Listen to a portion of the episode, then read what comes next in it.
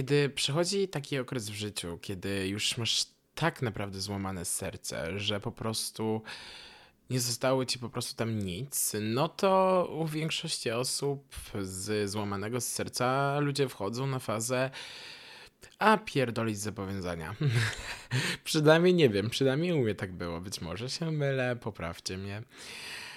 Dzisiaj porozmawiamy sobie o lęku przed zobowiązaniami.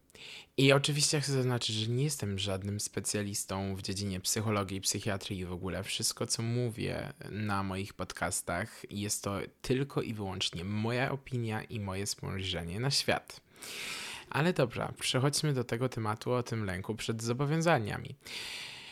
No bo na pewno większość z nas kiedyś w dużym, większym lub po prostu mniejszym stopniu zakochała się w jakiejś osobie, albo po prostu jakaś osoba wam się spodobała.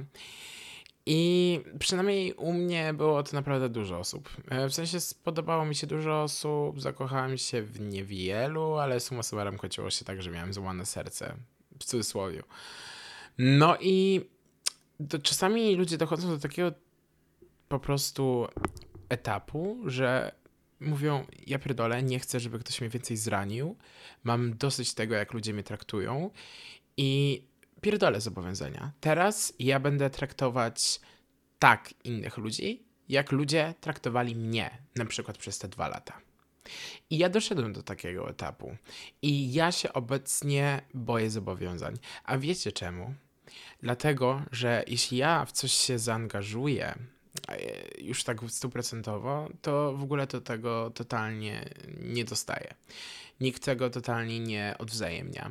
I łatwiejszą drogą jest po prostu traktować innych tak, jak ciebie traktują.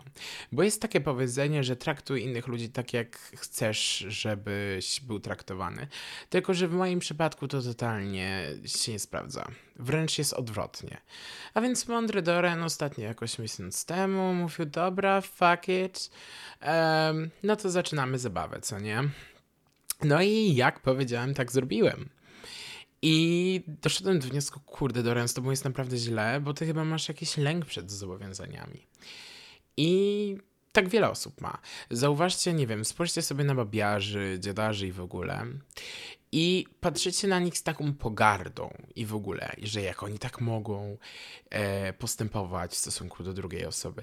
Ale czy zastanawialiście się kiedyś, czy może być to jakieś podłoże psychiczne? Bo często ogółem relacje, w których byliśmy, albo relacje nasze domowe, przenoszą się do relacji romantycznych albo fizycznych. Dlatego trzeba zawsze zobaczyć na te dwie szale. I ostatnio w ogóle to zrozumiałem, bo zawsze, nie wiem, wyzywałem wszystkich od babiarzy, dziedarzy i w ogóle. A teraz mogę otwarcie powiedzieć, że sam się stałem takim dziedarzem. Naprawdę, ja to mówię otwarcie, jest mi z tym ok. Nie przywiązuję się do ludzi, ludzie nie przywiązują się nadal do mnie, ja się bawię świetnie. Mam nadzieję, że inni bawią się świetnie razem ze mną. I to jest lepsza ścieżka niż non-stop ryczeć za jakimś debilem, który po prostu w ogóle nie jest godny twojej uwagi, który okazał się chujem jeszcze większym i w sumie ma większego chuja w mózgu niż mm, tak naprawdę. I, I to jest na pewno lepsze rozwiązanie krótkotrwałowe. No bo na pewno długofalowe nie, bo problem polega na tym, kiedy już nie będziemy mogli po prostu na tym zapanować. I nie będziemy mogli e, w coś się poważnie zaangażować, no to wtedy się robi problem. Ale przez krótki czas mi to pomaga. Ale nie, żebym to rekomendował, to, to, to nie, ale po prostu mówię o sobie, jak to tam u mnie wygląda i u mnie się to sprawdza, jeśli mam być szczery. Ale w ogóle jak to się zaczęło? No bo słuchajcie, e, pierwszy, drugi i trzeci raz miałem złane serce. Mówię, no powiedziałam, że nie dam się tak pomiadać. I wiecie, e, ostatnio znowu założyłem e, ten Tindera i Badu. I wiadomo, tam większość osób to są osoby, które są bardzo emocjonalne, które szukają miłości, ale są osoby, które po prostu, nie wiem, lubią poflirtować i w ogóle. No to ja zacząłem wybierać te osoby, które tylko chcą poflirtować. I to w jakiś sposób na pewno zapełnia moje potrzeby, I wiem, że i tak nic z tego więcej nie wyjdzie, a przynajmniej mogę sobie poflirtować i wiem, że ktoś mnie nie zrani, mogę sobie popisać z ładnym chłopakiem, mogę sobie pogadać z ładnym chłopakiem, mogę się spotkać z ładnym chłopakiem, a on i tak nadal nie będzie moim prawdziwym chłopakiem. No chyba, że gdybym w sumie się zakochała tej akcji jeszcze nie, nie, nie, przeżyłem. To na razie na ten temat nie będę się wypowiadał, chociaż to jest bardzo prawdopodobne. To jest po prostu strasznie niski grunt, jaki się kroczy, ale mm, jeśli ktoś się zdecyduje nie na babiarstwo, dzielarstwo, to trzeba mieć na to uwadze, że mm, ta druga osoba musi jakby po pierwsze nic do ciebie nie czuć i też nie chce ci coś więcej, no bo jak ktoś jednak mm, czuje coś do ciebie więcej, a ty odpierdalasz takie maniany, jak, jakie odpierdalasz, to nie jesteś dziadarzem ani babiarzem, jesteś po prostu chujem.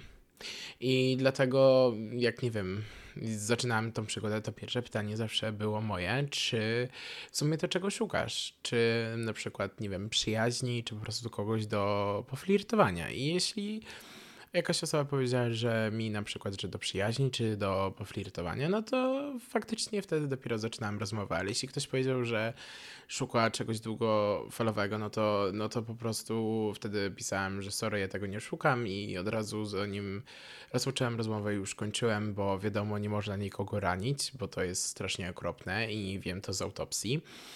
Mm, ale w moim przypadku jest to pe pewna jakaś taka ścieżka, jakaś um, ucieczka przed tymi zobowiązaniami, bo wiem, że one są w sumie do dupy.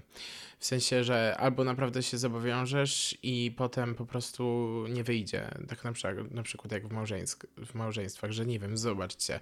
Przez dwa lata miłość jest zajebieście w ogóle, a potem jak wasi rodzice są po 20 latach małżeństwa, to są jak, nie wiem, jakby byli totalnie obcymi osobami dla siebie, non stop się kłócą, napierdalają e, krzykiem i, i w sumie to jest tragedia. Mm, albo też mamy drugą szalę, gdzie po prostu właśnie zakochujemy się w nieodpowiednich osobach, które totalnie na to nie zasługują. To jest ten mój drugi przypadek o mnie. No i wtedy po prostu odpala się kokieterka. e, I to jest, no, w sumie spoko rozwiązanie na krótki okres czasu.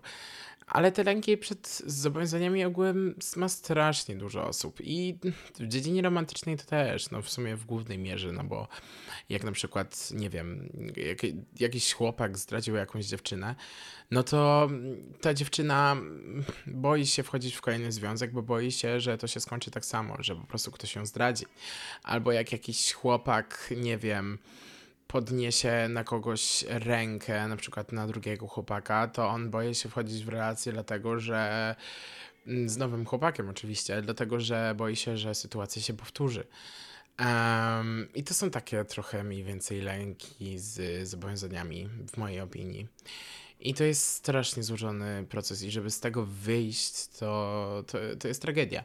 Ale jeśli myślicie, że jestem taką kokiterką level hard, to się myślicie, to się mylicie. I oczywiście staram się dopuszczać do siebie chłopaków, chociaż moje pokłady nawet nie tyle co cierpliwości, co zaufania spadają z każdym dniem o jakieś, nie wiem, 2%, ale jednak zawsze jakiś tam procent tego zaufania jest i wiadomo, nie należy się pod, poddawać, bo z kolei jeśli nie będziemy kogoś do siebie dopuszczać, to suma summarum nigdy nie znajdziemy drugiej połówki.